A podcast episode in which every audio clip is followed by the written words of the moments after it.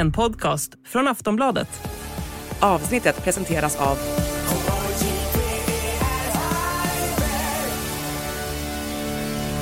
Stödlinjen.se, åldersgräns 18 år.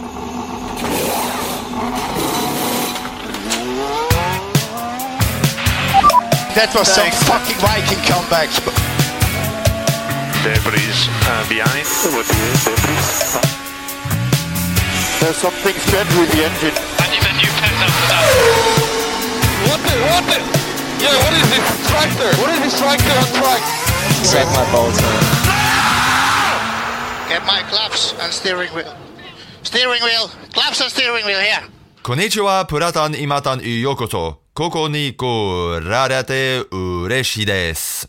Som man skulle kunna säga, eller på lite bättre då japanska som Makoto Asahara, Sportbladets då fotbollsprofil och även lite F1-intresserade på grund av Yoko Sinada, skulle säga för Makoto är i Japan nu så han vill hälsa till alla er Plattan i matta-lyssnare. Konnichiwa mina F1 ga suki hitotachi yokoso Plattan i mattan no dai 81 wa Let's go! Som då betyder Hej alla F1-älskare! Välkomna till Plattan i mattan avsnitt 81 nu åker vi. Vad svarar du på det Anna? Arigato. Bra, du kan din japanska.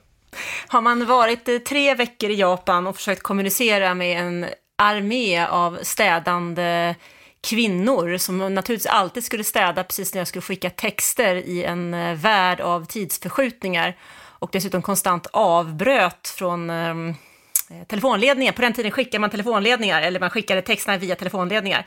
Och då var det väldigt viktigt att man eh, det gick inte att ringa ut, för då bröts det, utan eh, Stockholm fick då ringa upp mig och då satt det en sån här trevlig japansk kvinna som sa arigato hela tiden nere i telefonväxeln, men hon bröt alla samtal. Så jag fick öva min, mitt tackande där så att hon till slut kunde tacksamt nog låta bli och dra ur kontakten, så jag fick iväg mina texter. När var det här då? Det kan inte varit så himla nyligen eftersom att det var städande människor eftersom att jag tror fan de har kört på städande robotar där i 15 års tid. Detta var 1997. Ja, ni hör. Ni hör, vi kan våra japanska robotar ändå. Fast det var, det var intressant, alltså toaletter och sånt städade med robotar på, redan på den tiden. Vad gjorde du? Vad jag gjorde där? Det var handbolls, handbolls-VM. Aha. I, Och- i eh, Bodde du på- Kumamoto var det. Bodde du då, hade ni då liksom ett eh, spelarfruhotell? Spelarfruhotell, jag jobbade. Vad tror du? Ja, jaha. Jag var Men- utsänd från Sportbladet och skulle testa hur det gick att skicka till den nya Stockholmsbilagan som på den tiden trycktes klockan åtta på morgonen eftersom det ett år senare var ett OS i Japan. Så då använde vi handbolls-VM under tre veckor i Kumamoto och Tokyo som någon slags test för att se hur vi bäst skulle jobba under Inför OS i Nagano. Nagano året efter. Legendary OS. Eh, du vet ju att det här är ju på något sätt mitt hemmarace utan att jag någonsin har varit där, Japans GP. Eh, på grund av eh, min historia eller min tidigare yrkesbana som låtskrivare och producent. Det, var, det är ju i Japan som jag har haft mina största framgångar. Eh, vi kanske ska lyssna på, eh, du kan få lyssna på, du har aldrig hört någonting som jag någonsin gjort Anna, som du i alla fall vet om. För ibland så kan du ha eh, råkat, någonting kan ha liksom swishat förbi när dina ungar har lyssnat på YouTube genom åren kanske. Men eh, jag släng, har slängt in två länkar här från, eh, du kan ta den andra länken så ska du få se ett fullsatt, tror jag, Yokohama Stadium när de kör en av mina låtar, Kana Nishino. Mm, vi testar.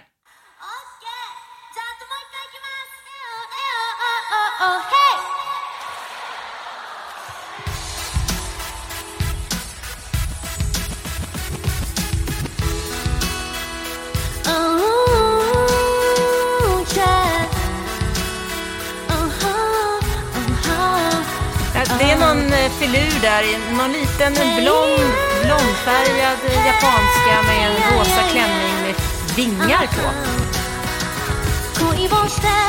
Och det här var ju sliskpop, Filip. Så det räcker.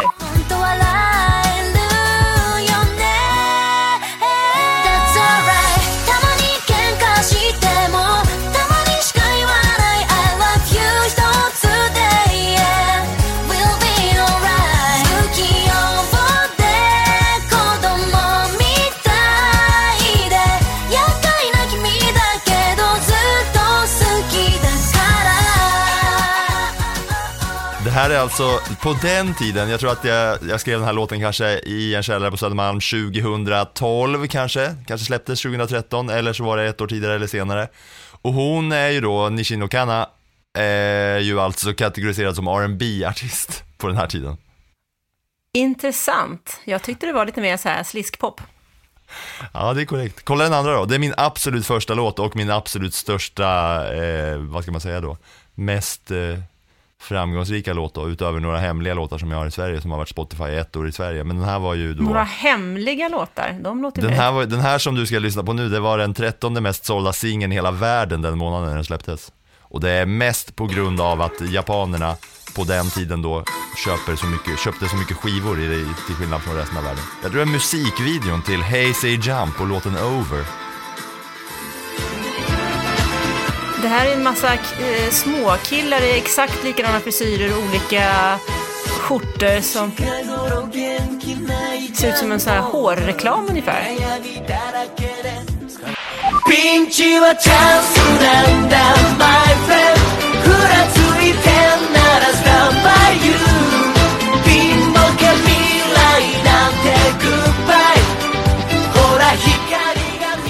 Men du, vem översatte allt det här, Filip?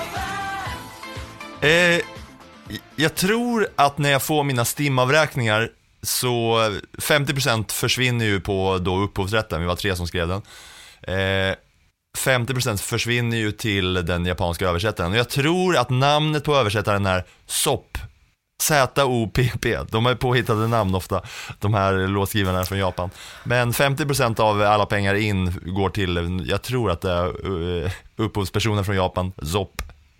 Okej, du skulle nästan spela de här för Yuki Tsunoda, så kanske han har varit lite gladare i cockpit. Jag, jag kan säga dig så här, utan att det ska låta skrytigt, så kan jag nästan lova dig att eh, Yuki Tsunoda har hört eh, Hazy Jump Over.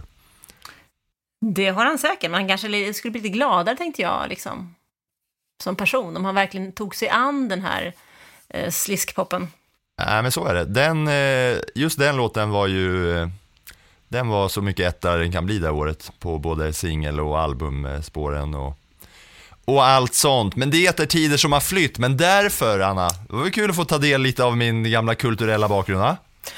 Definitivt. Eh, Jag kan ju lova dig att jag inte hört någon av dem och jag kommer inte att sätta på dem igen. Nej, det, det, det är bra. Och jag kan också säga att konstnärligt så är det inte något som jag står för jättemycket idag. Men historiens vingslag förändrar ju eh, tiden och så vidare, va? Nu ska vi prata om Formel 1, det gillar du. Det gillar jag betydligt bättre, ja. Och då ska vi som vanligt börja i kvalet, va? Men det här var ju ett kval som faktiskt, till skillnad från många andra kval i år, inte har hänt så jävla mycket med. Fa- jag måste bara säga här nu, jag kan inte okommenterat bara låta den här basrösten hos mig vara. Jag vill bara säga nu för alla som lyssnar att jag är inte sjuk, jag är inte förkyld, jag är ingenting. Helt bara från ingenstans har jag under det här jobbskiftet när jag jobbat fått en basigare röst som har gjort att jag inte riktigt kunnat göra de tv-saker jag gör. Men podden får jag ändå leva med den här basrösten. Så nu har jag sagt det. Du märkte inte ens något Anna? Jo, men jag var lite så fin i kanten så jag sa ingenting ifall att du hade, ja, dragit på dig någonting. Ja, eh, vi får se om den håller hela avsnittet ut.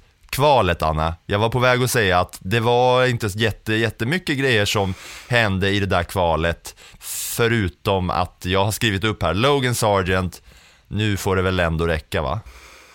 Ja, alltså han gör det ju inte lätt för sig, Logan Sargent som kör för Williams. Han är ju den förare, numera, som inte har något kontrakt till nästa år. Och han gör ju misstag på misstag. Under den delen av säsongen nu som eh, cheferna hos Williams har velat se framsteg, kliv uppåt mot poäng och se hur han har utvecklats så upplever vi som tittar på att han snarare har fått en oerhörd press på sina axlar, vilket gör att han skrotar ju bilen i ungefär samma takt som hans föregångare, lik Nicolas eh, Latifi i Williams. Och någonstans så blir det där oerhört dyrt. Inte nog med att teamet bara har en förare som är kapabel nog att köra in poäng i Alex Albon. de är ju ett enmansteam. Lite grann som Aston Martin. Skillnaden är ju bara att Alonso har ju kört in betydligt fler poäng, så de slåss ju för platser högre upp i tabellen. Och herr eh, Stroll, han drar ju in någon pinne här och var. Men Sargent, han eh, drar ju inte in några poäng och han kraschar materialet. Så frågan är väl, jag har svårt att se hur de ska kunna motivera att han ska köra en säsong till hos Williams. Ja, det är roligt när du säger just Williams och så, så tar du upp eh, Nicolas Latifi. För jag såg på sociala medier en så rolig bild, det var någon som hade tagit du vet American Gangster, filmen American Gangster som har liksom ett omslag eh, Eh, det är väl med, eh, ja, är det Denzel Washington kanske i den filmen. Då har de i alla fall tagit ut den i svartviten, det omslaget, så har de plockat ut då och satt in eh, Logan Sargent, så har de bara skrivit American Latifi. No explanation needed. För att det är ju, eh, man var ju liksom peppad på att se hur det skulle bli här, men ändå sitter Williams i samma sits som de gjorde för eh, ett år sedan. Ja, men det är så mycket annat i det teamet som faktiskt har gått framåt. Alltså, eh, Alexander Albon har gjort en otroligt bra säsong. Nu nollade han den här gången, men ser vi liksom sett till hela säsongen så tycker jag att han är en av de förarna som faktiskt har ett utropstecken i närheten av sitt namn. Och jag menar, Williams är sjua i konstruktörsmästerskapet och där är man också många poäng före Haas som är 8 och har 12 poäng. Williams har hela 21. Och jämför vi det med hur det såg ut för ett år sedan så var ju Williams tok sist på 8 inkörda poäng och Alfa Tauri var 9 med 35. Och nu har man alltså klättrat så pass mycket och det är jättebra för det teamet som har bytt mycket, förändrat mycket och är på väg framåt. Men då måste man också ha två, två förare som hjälps åt och det är ju lite så i ett par team i år att det är lite enmansteam. Aston Martin med Alonso är ett. Det är till och med så att Mario Isola pratade om alternativa däckstrategier inför loppet och nämner liksom team som, eh, jag tror att han sa Ferrari, Mercedes och sen Alonso.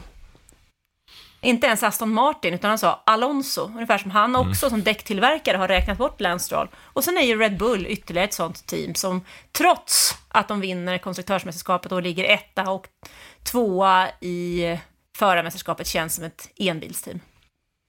Ja, och så är det ju verkligen. Och jag undrar nu bara här när vi ändå är inne på Logan Sargent, eh, ifall vi ska liksom säga vad som hände i racet också, för att han kraschar ju ut sig i kvalet och han kraschar ut sig i racet. Båda gångerna liksom på eget klantigt maner och inte på grund av någon annan. Latifi många gånger, om man jämför de två, eh, American Latifi och eh, Canadian Latifi, så eh, Latifi var ju många gånger på, liksom, på fart sämst. Att han var så långt efter. Han körde så bra han kunde, men var ändå så långt efter. Han gick ju i mål och, eh, många gånger. Logan Sargent har ju många gånger kraschat ut sig och på så sätt, och det är det vi pratar om nu här, han kraschar ut sig i kvalet, kraschar ut sig i racet och det är ju klantigt på det sättet. Ja, men sen är det ju också, alltså han har ju hamnat i en situation som för honom är jättetuff. Han kommer från Formel 2 upp i Formel 1 och i början så har man ju en, en förståelse för att han inte är i närheten av Alex Albon. Sen visar det sig att kollegan Albon, han kör ju in poäng och han kör ju in alla de poäng. Han ligger liksom trettonde i förarmästerskapet, Alexander Albon. Han, han, han levererar vecka efter vecka efter vecka. Eh, Sargent å andra sidan, han blir ju pressad av att se hur hans kollega hela tiden levererar. Och en F1-bil måste du köra på gränsen, inte under den, för då är den inte tillräckligt snabb, och inte över den, för då sitter i muren. Så hela tiden så blir det ju en, en kamp för att hitta gränsen. Och när det blir en kamp för att hitta gränsen så kör du oftast över den. Då överkör du bilen och så blir resultatet det. Och ju mer press som kommer, nu är det också två lopp snart här i USA som är hans hemmabana, eller hemmanation, vilket gör att pressen ökar och den där pressen måste man kunna hantera och han är långt ifrån varken den första eller sista föraren i Formel 1 som inte har klarat av att hantera pressen. Och jag bara nu när du, eh, när vi pratar Logan Sargent, vi ska inte hänga för mycket här för att eh, han är ju lite periferin och det var ju mycket andra grejer som är värda att lägga mer tid på från det här racet. Eller hur? Men eh, jag bara kollar in då hur det faktiskt, för han var ju i Formel 2 förra året. Och jag bara kollar in ställningen hur det var. Han kom ju bakom Liam Lawson till exempel. Logan Sargent kom ju fyra i Formel 2-mästerskapet förra året. Fyra bakom Liam Lawson med, eh, det var en poäng som skiljer dem åt. Men kollar man så här, Liam Lawson som kommer in och kör då i, ja, ett likvärdigt team men eh, sämre team i konstruktörsmästerskapspoängtabellen i år ju, så kommer ju Liam Lawson in och kör en, då, om jag får säga så, en sämre bil och eh, kör bättre direkt. Sen är det ju längre upp då om man kollar Formel 2, Logan Sargent mot Theo Pourchaire som eh, inte, vi inte har sett i F1 än och sen Filipe Drugovic som utklassade alla andra i Formel 2 förra året. Nu har jag bara eh, sagt det, för jag tänkte lite så här, vad fan hur var det? För nu när Liam Lawson är här också, han körde väl också Formel 2, så kolla in det där och det var ju så, Logan Sargent fyra i F2. Men eh, vi vet ju hur det är med pengarna och att han är amerikan och allt sånt va? Eh, Plus ja. att han kom från Williams eget eh, egen akademi. Så att, eh, mm. det var väl inte en felsatsning att göra, men däremot så är det så att eh, om man tittar jämför med Liam Lawson då, så är han på ett annat ställe i sin karriär. Han tar ju chansen, han gör ju en Linus Lundqvist. Lika väl som Linus Lundqvist körde till sig ett toppkontrakt i Indycar på tre race, lika väl har ju Liam Lawson kört in sitt namn i Formel 1 under eh, Eh, de här helgerna som han har ersatt eh, Daniel Ricciardo. Mm. De är ju några stycken som har haft chansen i år att visa att de faktiskt är värda någonting. Men än så länge så är det väl eh, Liam Lawson som har lyckats bäst då, förut, förutom eh, Oscar Piastri som eh, gör kaos eh, med de andra rookiesarna om man säger så. Annars i kvalet innan vi tar oss in på race och det som eh, behöver pratas om så var Verstappen tillbaka och det var både i kval och det var i race. Eh, han tog pole position och det är inget mer att prata om där egentligen. Sen eh, så vill jag bara liksom höja ett eh, finger för jämnheten i det här fältet på Suzuka.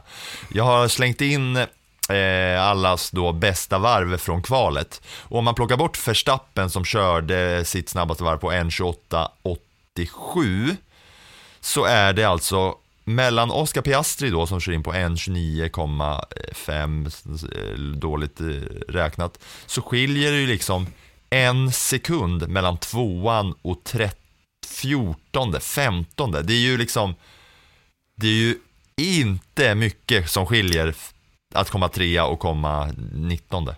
Nej, men det tycker jag på något sätt är symptomatiskt för den här säsongen, för att det är otroligt jämnt.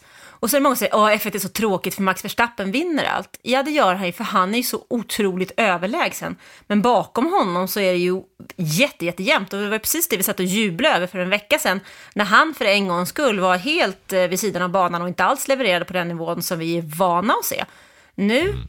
Är han tillbaks, då kör han i en egen liga. Men resten, det är ju otroligt jämnt. Mm. Kollar man då till exempel på liksom Lewis Hamilton som blir sjua, hade han kört fyra tiondelar snabbare så hade han varit tvåa. Mm, alltså, ja, och nästan Russell och Synoda på 8-9 också. Det var jämnt och kollar man där i botten, liksom, skillnaden mellan att komma 19 och komma nia. Det är också min, det är, ja det är en sekund exakt mellan 19 och 9. Så hade han, hade John Yu, ja det skiljer då en sekund mellan Sunoda och John Yu Joe. Vilket är crazy. Nu tar vi racet va?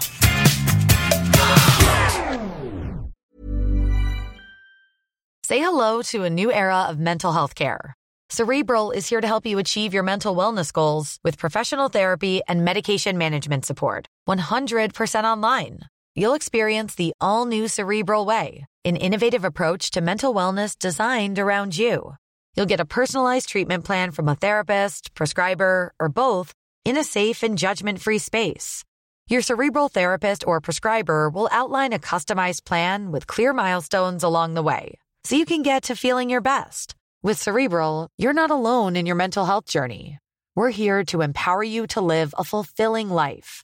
So take that first step towards a brighter future and sign up today at cerebral.com slash podcast and use code ACAST to get 15% off your first month. Offer only valid on monthly plans. Other exclusions may apply. Offer ends July 31st, 2024. See site for details.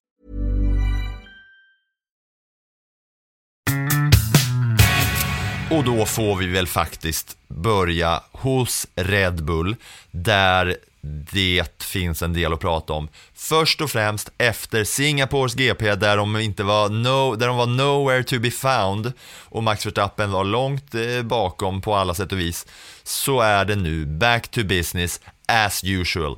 Han påbörjar en ny streak nu får man väl ändå säga, Verstappen, efter eh, missräkningen i Singapore.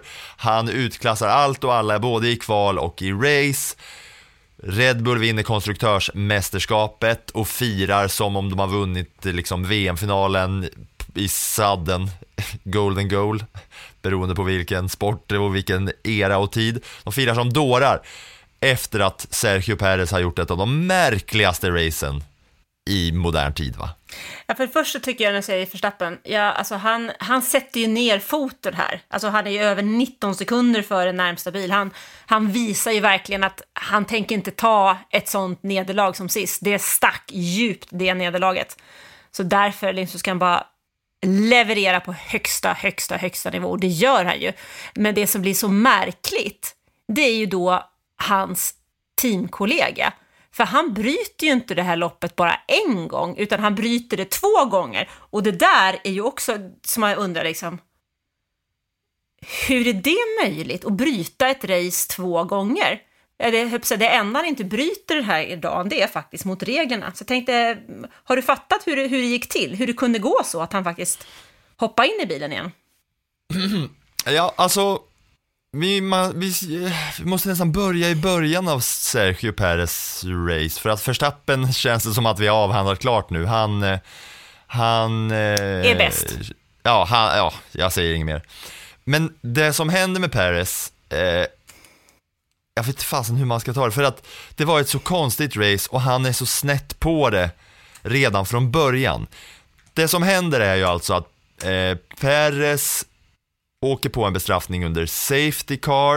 Nej, men det får börja med redan från början. Hans, hans bil, Ja. hans bil får ju en smäll redan under det första varvet, vilket gör att han måste in i depå och få en ny nos.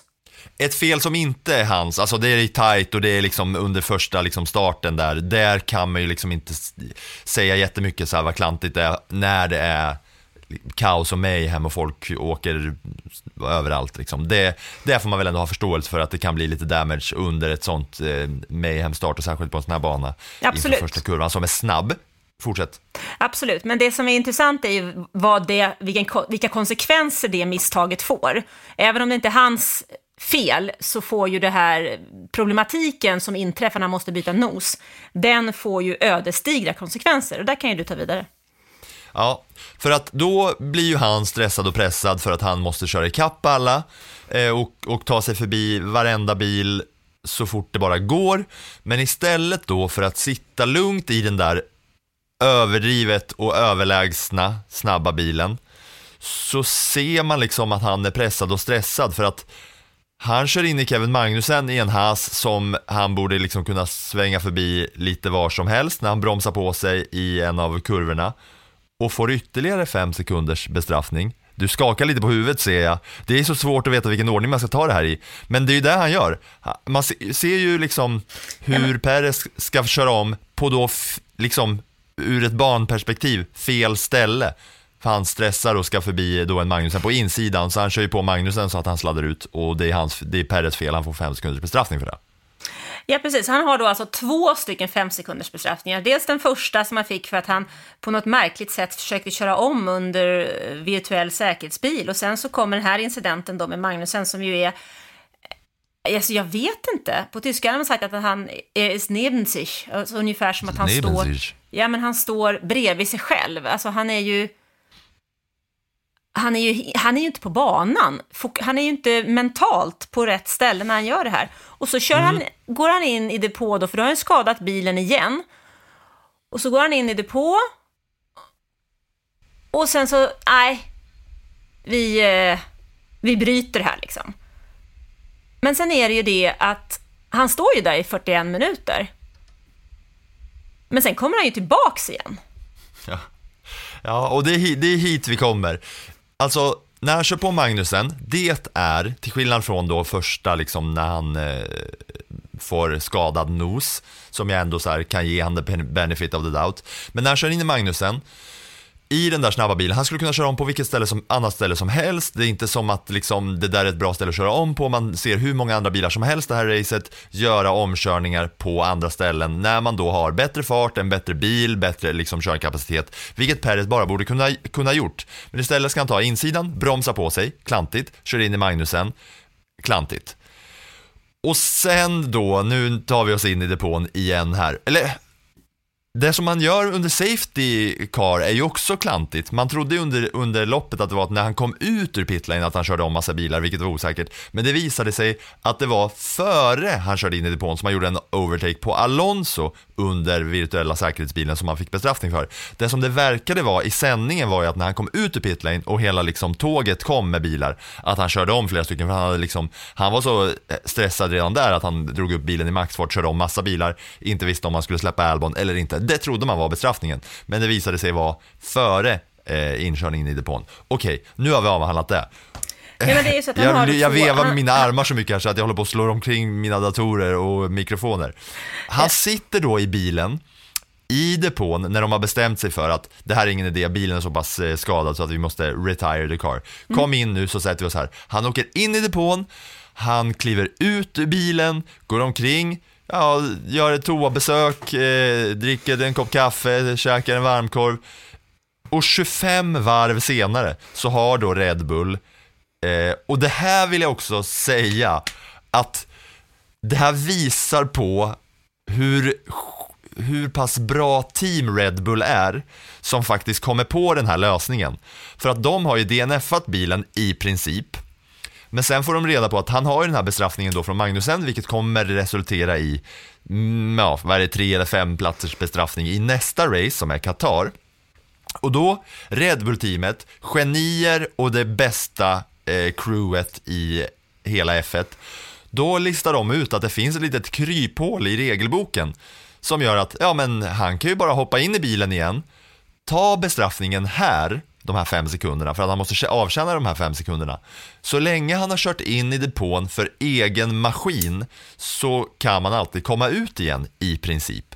Så Perez sätter sig i bilen, kör ett varv, åker in i depån, de säger åt honom box box, han åker in i depån, servar fem sekunders bestraffning, tar ett varv till och sen retire the car.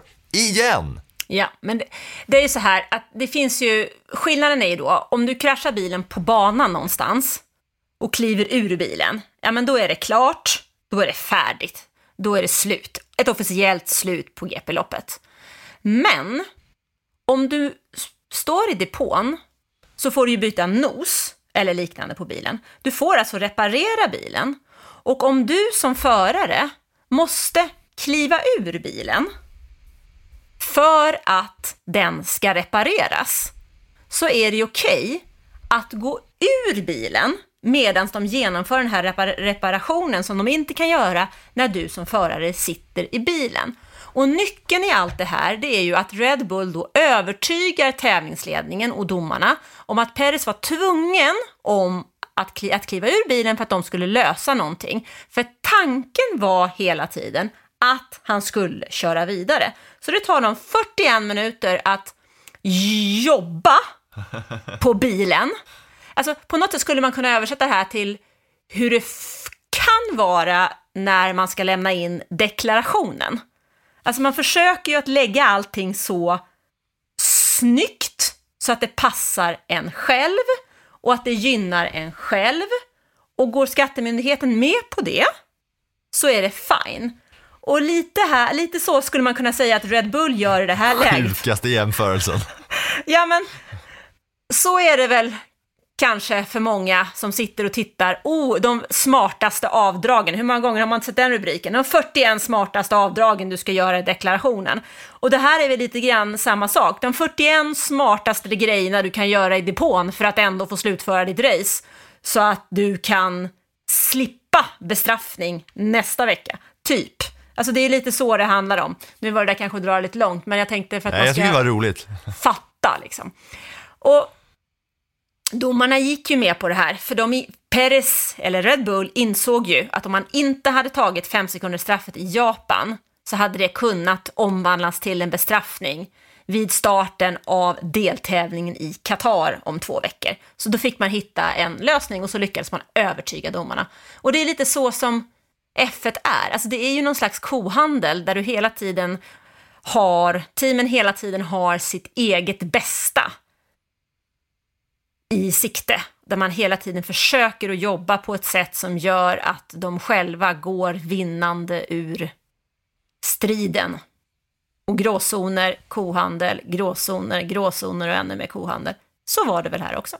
Ja, och framförallt så tycker jag verkligen att det är bevis på genialiteten i Red Bull och varför de är konstruktörsvärldsmästare mm, 2023 också. För jag tror inte att Williams eller Haas eller Alfa Romeo hade kommit på det här, att det är så vi kan göra för att liksom lösa det. Jag tycker att det är ett sånt bevis på att de faktiskt är bäst när de kommer på den här grejen. Otroligt. Men det är också sjukt att det går att göra så här.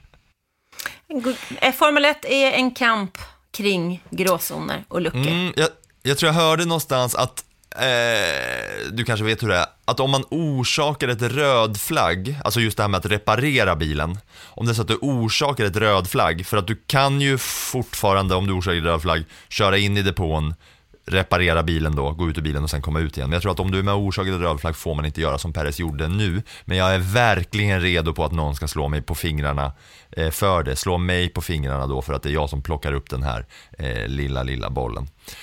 Eh, ja, det var Red Bull va? Det var Red Bull och de vann ju då konstruktörsmästerskapet och nästa gång när vi kör i Qatar om två veckor kan, eller lär då Verstappen vinna förarmästerskapet. Om jag har räknat rätt så behöver han ta 6 poäng mer än Perez under sprinten för att säkra det. Och det betyder att han har möjlighet att bli den första föraren i F1-historien att vinna en VM-titel i samband med en sprint. Ja, det eh, är väl mer tillfälligheter än eh, personlig skicklighet, eh, men likväl ett rekord.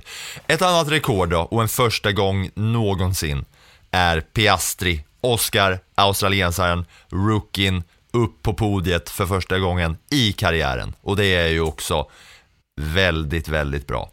Såg du hans längtansfulla blick när han stod där på prispallen och tittade på Verstappen och på Ja. pokalen när Verstappen pussade den där? Det såg ut som att, åh, nästa gång måtte det vara jag. Ja, och kanske är det så. Ja, och kanske inte att han spöar Verstappen, men de är på gång. Ännu mer. De eh, börjar bli konsistent på att vara näst bäst, McLaren, med Piastri och med Lando Norris. Och jag tror nog baske mig att en första GP-seger för någon av dem där kan ske någon gång. Ja, någon gång kan det definitivt ske, men jag, det jag tycker är lite roligt, det är när man tittar på hur McLaren nollar de två första loppen under den här säsongen. Och eh, de nollar, alltså en, två, tre, fyra, fem av de första åtta loppen den här säsongen. Fem av åtta första loppen nollar de helt. I Österrike kommer en uppdatering till en av förarna. Lando Norris. Han har sedan dess i stort sett prenumererat på fina placeringar. Man har tagit fyra andra platser på de senaste åtta loppen. Och han tog en andra plats förra veckan. Då hade Piastri ingen uppdatering. Nu fick han den uppdateringen och tar sin första pallplats. Han är nia i konstruktörs eller i förarmästerskapet på sina 57 poäng, vilket är långt efter Norris. Samtidigt så är han ju på den övre halvan av fältet och han är ju klart före förare som Lance Stroll, Pierre Gasly, Esteban och Con. Så att, eh, nej, det där finns, det finns någonting i det där och så som McLaren nu kör, det sa vi faktiskt inför det här loppet också, att är det något team som kan ligga bra med, som det kan passa i Japan, så är det ju McLaren. Och jag tror att under, under det som återstår den här säsongen så kommer vi få se många fler pallplatser av McLaren. Och jag är väldigt, väldigt spänd på, få- på att få se vad McLaren kan erbjuda till 2024. Det är jag verkligen också. Och det är kul att se att båda två får stå där uppe på podiet faktiskt. Oscar Piastri alltså, första pallplatsen i karriären. Nyligen förlängt kontrakt också. Mm. Men du, eh, en annan sak. Vet du, vet du senaste gången som det var en rookie som stod på en pallplats under sin säsong? Det eh, hade jag planerat att säga i mina småstats, så jag får säga det nu istället. 2017, Lance Stroll var senast en rookie var på pallen. Nu är det Piastri som har tagit den. Ja, och då körde Stroll för Williams. Och nu sitter vi ju nästan eh, hånar Stroll här. Eh, ibland. Med all, med all rätt. Så att vi får ju hoppas att Piastris karriär har en liten annan utveckling än den som Lance Stroll har haft. Mm. Det, det tror vi väl också va? Med vi menar jag du. Ja, det tror jag på och det är av, eh, av olika orsaker. Dels så är han ju en mästare från Formel 3 och Formel 2. Han är en av få förare som har vunnit de två mästerskapen på sitt första försök. Det har även Leclerc, eh, Charles Leclerc och George Russell gjort. Eh, men han har också visat, tycker jag, på många sätt här i år att han har jobbat fram till den här pallplatsen. Det är ju ingen tillfällighet att han står på en tredje plats i Japan. Vad tror du Alpin känner kring Piastri nu när de tittar på han ståendes på podiet? Ja, eftersom Alpin har haft stora förändringar i sin organisation. Eh, Ottmar Safnauer, som var den som var chef när den här Piastri-historien var, är ju inte kvar. Eh, och nu tror jag att de har lite andra problem och större problem i det teamet än eh, Oscar Piastri. Exempelvis så var ju Pierre Gasly vansinnig efter det här racet för att det var en stallorder som gjorde att han fick släppa förbi Esteban Ocon, för han menade på att han var först och skulle ha fördel, medan Ocon å andra sidan menade att han gav Gasly chansen och eh, köra om framförvarande bil så att det var en bil emellan. Hade han klarat det så hade han inte behövt släppa Ocon, men för att så jobbar vi i det här teamet. Och vi har i år flera gånger pratat om det här franska teamet, om det blir lite väl mycket franskt och mycket känslor och eh, problematik internt. Och jag tror att alpin har väldigt, väldigt, väldigt mycket att jobba med för att hitta en stabil teamledning som kan styra de där två franska tupparna. Mm. Eh, Piastri i alla fall skämtade ju lite med eh, Alpin och hela situationen förra gången för att nu när han förlängde sitt kontrakt till 2026 med eh, McLaren så eh, var det mycket roliga memes på, på Piastri att, eh, att det var skönt att, att eh, liksom ett kontrakt skrevs på så enkelt den här gången. Men han har kontrakt nu till 2026, eh, Lando Norris till 2025 eh, på de där två. Mer i det här racet då, det var lite bråk i Mercedes också, om vi nämner att det var lite eh, internt bråk i alpin. Mm, Lewis Hamilton pressade Russell, eh, hetsade, körde som, eh, liksom, som om de var värsta rivaler. Jag kan väl bara känna att anledningen till att det överhuvudtaget blossar upp i Japan är att Toto Wolff inte är på plats. Han hade nämligen eh, opererat sitt knä, sitt, en korsbandsskada, så han hoppade över Japans GP för att vara tillbaka till Qatar om två veckor. Han vill inte gå på kryckor där. Kan det vara, det känns inte som att det är en tillfällighet att eh, Hamilton och eh, Russell har lite tuppfight under ett race när det är eh, eh, Jerome D'Ambrosio och Bradley Lord som styr det där teamet och inte Toto Wolff. Mm. Ja, nej men det, det som hände var ju att Russell låg ju framför, de körde på två olika strategier och eh, Hamilton pressade eh, Russell och sen får Russell en teamorder som han stretar emot dem på radion. Och eh, de hade ju en jagande Sainz och då, eh, det var på varv 49 av 53, Russell ville inte släppa Hamilton direkt för att de skulle, han skulle bli uppsäkrad av Sainz också. Och då försökte han då liksom övertala teamet att vi gör det här på sista varvet, vi ser till att Lewis är inom DRS avstånd för mig så att jag kan hålla, eh, så att Lewis kan hålla farten och sen försvara mot eh, Sainz. Men eh, ja, så fick han i alla fall eh, ge vika till slut. Och Sainz efteråt sa ju Han sa ju, de försöker köra min taktik mot mig. Och då var det någon som, då svarade de i Ferrari med old school baby. Lite så, lite så. Det är rätt kul att lyssna på den här radiotrafiken ibland. Det, det man däremot måste ha koll på är att den är ju inte alltid i nutid eller realtid. Så ibland så är det lite gamla grejer som dyker upp och man fattar inte riktigt och det kan också få en man kan få en eh, lite annan känsla när man hör vad som sägs i förhållande till vad man ser. Det måste man bara ha med sig. Mm. Ja, men just i det här avseendet så eh, var det ju så i alla fall att eh, han förstod ju att de försökte ju göra en Carlos Sainz på Carlos Sainz genom att hålla varandra inom deras avstånd. Eh, DRS är en förkortning, DNF en annan förkortning och DNF blev det på en som hade ett fruktansvärt race också, Valtteri Bottas, han hade det ju riktigt tufft. Perez DNFade ju två gånger, Stroll DNFade, Sargent och Albon. Sen var det ju också, apropå interna battles, så var det ju The Battle of Japan med eh, Yuki Tsunoda och eh, Liam Lawson. Eh, den ena som är japan då och eh, landets stolthet versus eh, Liam Lawson som, eh, ja det är lite hemmabana och hemmakrokar för honom också.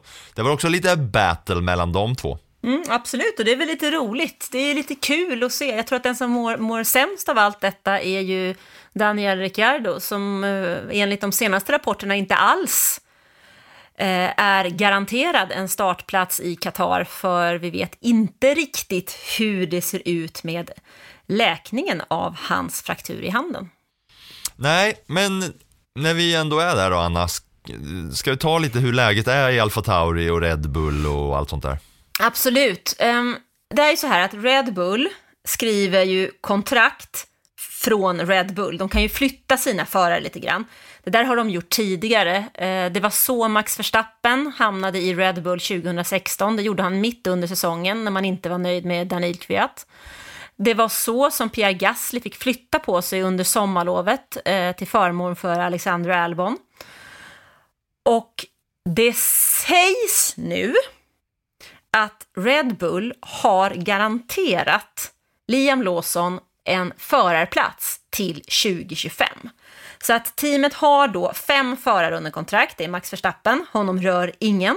Sergio Perez som underpresterar och är pressad som 17. Daniel Ricciardo vars mål är att ta sig tillbaka till F1 och Red Bull. Yuki Tsunoda som kör rätt bra och dessutom är sponsrad av Honda som fram till 2026 då också är motorleverantör till Red Bull och Liam Lawson.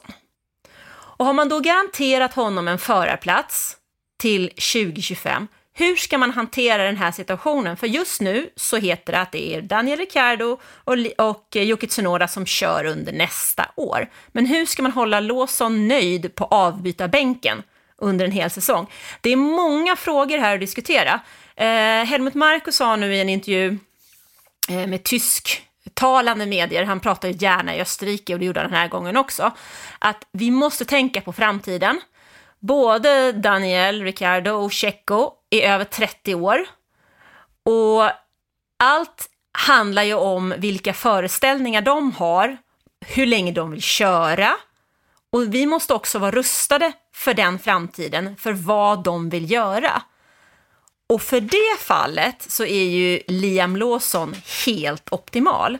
För han är ju 21 år gammal. Och fortsätter Sergio Perez att prestera på det sättet som han har gjort nu, så tror jag inte att det är garanterat att han sitter i bilen hela nästa år heller. För varje race som går, för varje vecka, varje månad som går, så blir ju konkurrenterna bättre. Och jag tror att man under nästa år behöver ha två bilar som levererar hos Red Bull. För det, det, är inte hållbart att tro att Max Verstappen ensam i stort sett ska vinna konstruktörsmästerskapet medan de andra teamen som Ferrari har två förare, McLaren har två förare, Mercedes har två förare. De slåss hela tiden mot två. Och då måste Red Bull också vara med om det. Än så länge i år så har de ju kunnat leva på Max Verstappens överlägsenhet, men den kommer ju inte heller att vara för evigt. Och då är frågan, hur hanterar man den här situationen? De stora frågetecknen som jag ser det, det är faktiskt Sergio Perez och Daniel Ricciardo som båda två är 30 år. De verkar ja, Perez kanske lite mer nöjd än Ricciardo. Men Ricciardo, så får vi se vad, vad händer med Ricciardo, när kommer han tillbaks och vad lyckas han leverera på plan eller på banan? Det är inte helt lätt heller i förhållande till Åsson.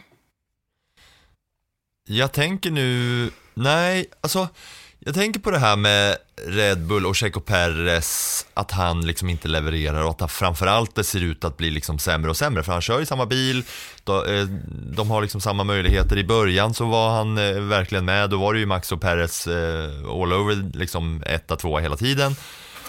Och så tänker jag tillbaka på, hur var det egentligen, vad var det för läge vi hade när Alex Albon och Pierre Gasly fick kicken? För då var det ju Mercedes som regerade.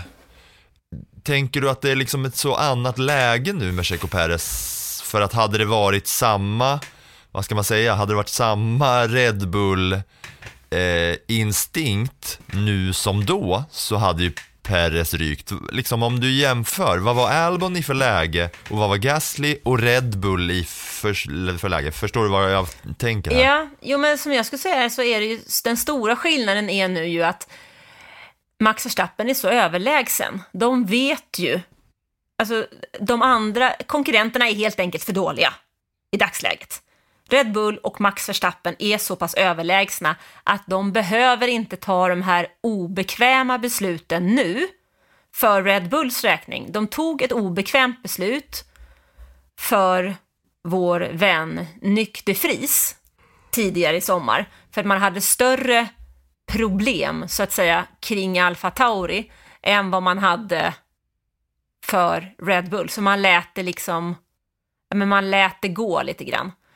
Här är ju nästa stora problem och no på något sätt känns det nästan som att de vill vänta lite grann och se, ja men vad händer här?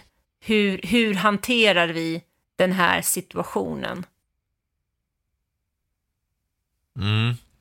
Ja, alltså jag, jag tänker bara så här, ja de har nu Liam-låsen, och när de är så överlägsna, överlägsna, att göra den gamla hedliga då, Red Bull switcheroon och bara byta på dem. Hade, alltså om man tittar på vad som har hänt förut när de switchade liksom Kviat och, och Verstappen och när Albon fick åka upp och ner och Gasly upp och ner. Det hade man ju velat se kanske. Ja, men om det, sen vet vi, inte, vi vet ju inte hur kontraktet ser ut som de har med Sergio Perez. Vi har ingen aning om om det finns någonting i det där som gör att de inte kan göra den switchen i år. Det vet ju inte vi. Det kan ju ligga Nej. någonting där också som gör att därför är den omöjlig att göra i år för det kostar för mycket pengar. Alltså, vi gör inte det nu för vi behöver inte, för det löser sig i alla fall. Ja. Och sen är det jag som jagar drama och roliga liksom, händelser också såklart förstår jag därför jag tänker så. Eh, innan vi släpper Red Bull och det där, alltså de opererar ju på samma sätt när du pratade bara om liksom hela systemet med Red Bull, att de har ett farmarlag och ett A-lag. Det är ju samma sak i fotbollen. Om man kollar på spelare som har gått från eh, Salzburg till eh, Leipzig i eh, Bundesliga, från Österrike till, eh, till Bundesliga. Det är ju skitmycket stora namn för den som gillar fotboll, men vi är en F1-podd. Men liksom Sabitzer, Naby Keita, Bernardo, Upamecano, Leimer, Soboslaj, det är hur många som helst som har gjort det bytet i fotbollen också. Systemet är ju på samma sätt där. Ja, men det, även tränarbiten i Leipzig funkar ju på samma sätt. Mm. Där har de också tagit e samma system. Exakt så, hörni. Är du redo för att sätta plus på det här racet då, Anna? Ja, men det är jag ju. Kör!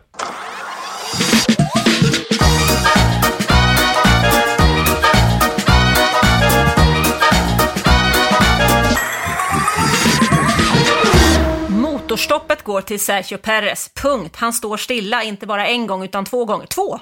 Två!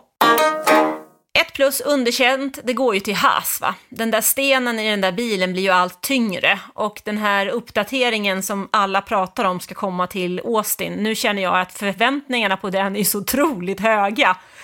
Så att det riskerar ju bli ett jättemagplask. Två plus går till Liam Lawson för han slår Tsunoda, visserligen på en bana som han kan väldigt mycket, väldigt, väldigt bra och han är nära poäng igen. Eh, ändå så har han ingen raceplats och det pratade vi om sist, eller nu här nyligen. Den eh, känns lite intressant inför nästa säsong. 3 plus går till eh, Lando Norris som tar en fjärde plats igen och befäster en eh, plats på den där prispallen. 4 plus går till Max. Han gör ju det som han eh, förväntar sig, eller som vi förväntar oss av en Verstappen. Det vill säga han krossar allt, eh, vinner och gör det med typ vänstran. 5 eh, plus går till Oscar Piastri. För den där killen har vi inte sett det sista av. Verkligen inte. Och vi har nog inte sett det sista av honom på podiet heller, va? Det tror jag inte. Det var blussen. Nu kommer småstatsen.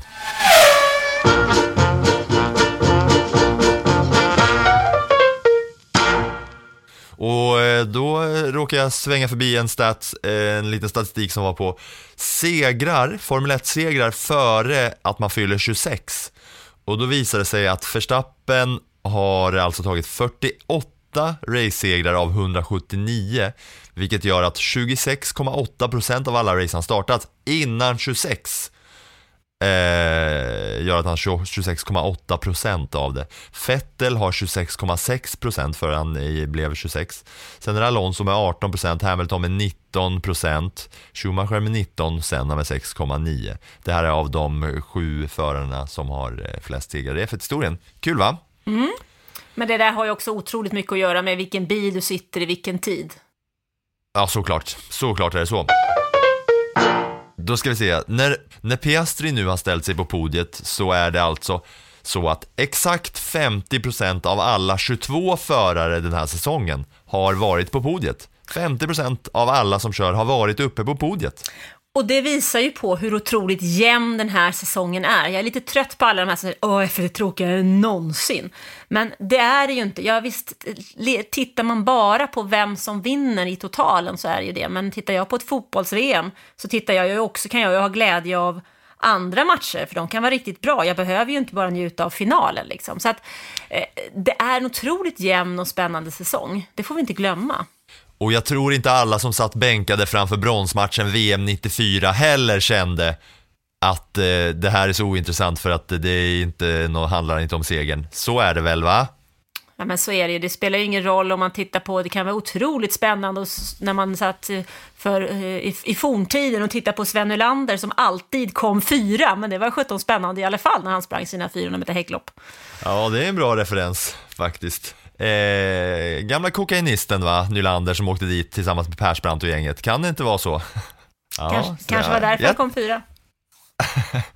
Vad fan var det inte Sven Nylander som, eh, som åkte dit på kolan va? Sven Nylander, Persbrandt, fan var det en tredje som åkte dit? Eller var det Nylander, Patrik Sjöberg? Ja, nu stökar vi iväg här va. Det var Patrik Lövgren Patrik Sjöberg och Sven Nylander. Ja, så var det. Men det är inte mig småstatsen, Sven Nylander.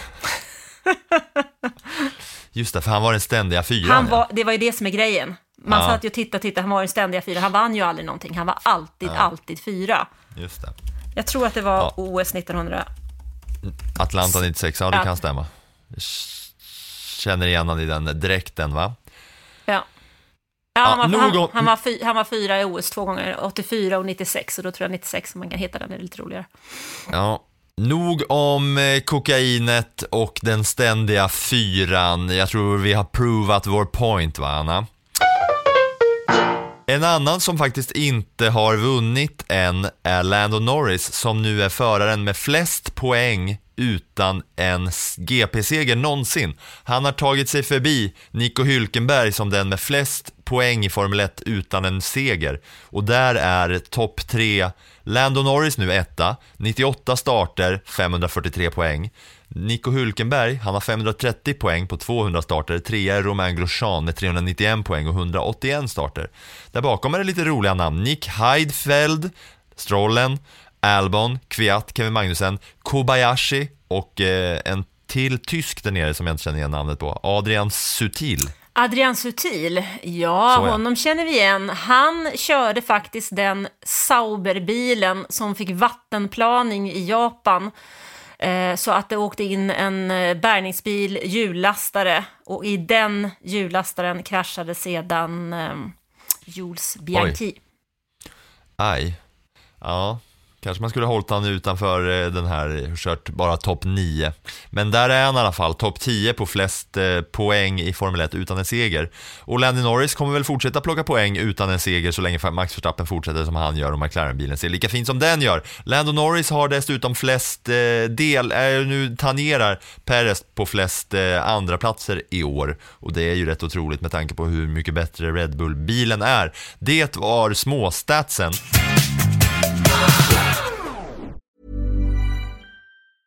Selling a little or a lot? Shopify helps you do your thing however you cha-ching. Shopify is the global commerce platform that helps you sell at every stage of your business. From the launch your online shop stage to the first real life store stage, all the way to the did we just hit a million orders stage. Shopify is there to help you grow. Shopify helps you turn browsers into buyers with the internet's best converting checkout. 36% better on average compared to other leading commerce platforms because businesses that grow grow with Shopify. Get a $1 per month trial period at shopify.com/work. slash work. shopify.com/work.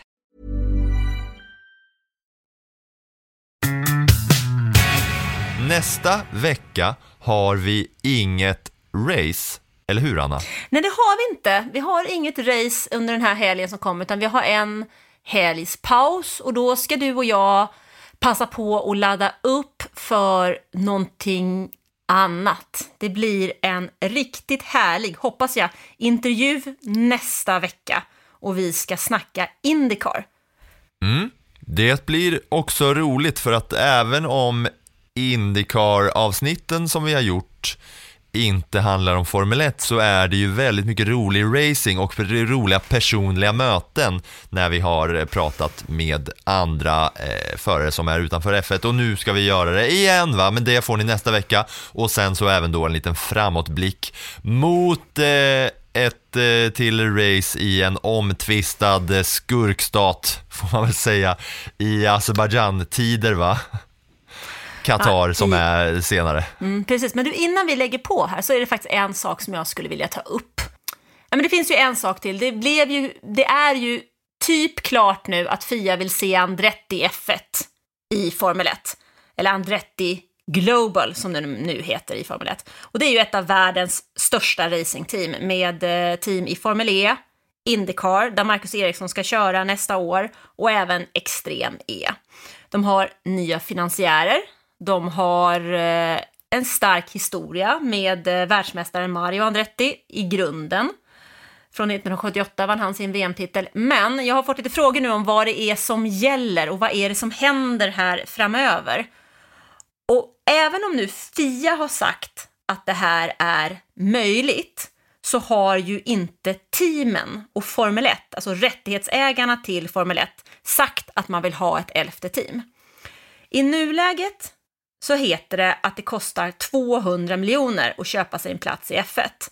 Det är bara det att det är inte värt det idag. Det är den grunden som ligger från det gamla Concord Agreement, vilket är det avtalet som finns mellan Formel 1, teamen och FIA. Och nu måste då teamen titta, är det här möjligt eller inte? Nästa Concord Agreement ska skrivas på 2025. Det är alltså om två år. Det vi kan tänka oss är ju att till dess så kommer den här avgiften för att vara med i F1, eftersom F1 bara ökar i popularitet och varumärket blir starkare, så kommer den att ökas till låt säga 600-700 miljoner dollar för en plats i F1 för att de andra teamen ska vara nöjda och vilja släppa in Andretti. Och det ska skrivas på 2025. Framför innan dess lär det inte hända sådär jättemycket, utan det som kommer hända nu är att de här förhalar och förhalar och förhalar så att man får in de där pengarna. Samtidigt måste också Andretti klara av att bygga en motor. Och det vill man ju inte bygga en motor till 2025 när det kommer ett nytt reglemente till 2026.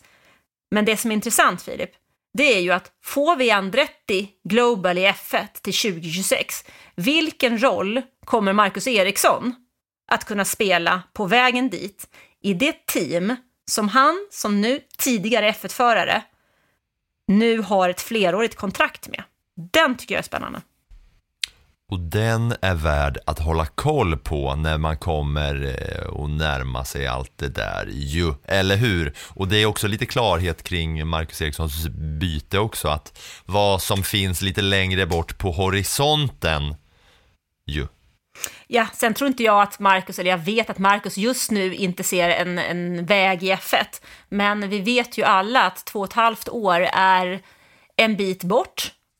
Det kan hända mycket, plus att en sån roll att vara delaktig i någonting som ska kunna bli någonting, säkert är otroligt intressant att han får bidra och få vara med på ett annat sätt där han kanske får vara en teamledare istället för den som får stå och titta på två andra som är det. Vi säger tack med de siffrorna och eh, låter alla smälta det och så tar vi oss vidare till nästa vecka där det kanske blir lite mer snack om eh, det där också gissar jag på. Men ni hänger med oss. Vi lämnar Japan, säger kyo arigato, bye bye. Anades. Eller? Alltså där sprack ju min japanska kan jag säga, så jag säger auf Wiedersehen. Ja, tack för nu, vi hörs, hej då. That was some fucking Viking comebacks. Debris uh, behind. There's something strange with the engine. And you've a new pet after that. What the, what the? Yeah, what is this tractor? What is this tractor on track? Suck my balls, man. Get my claps and steering wheel. Steering wheel. Claps and steering wheel here.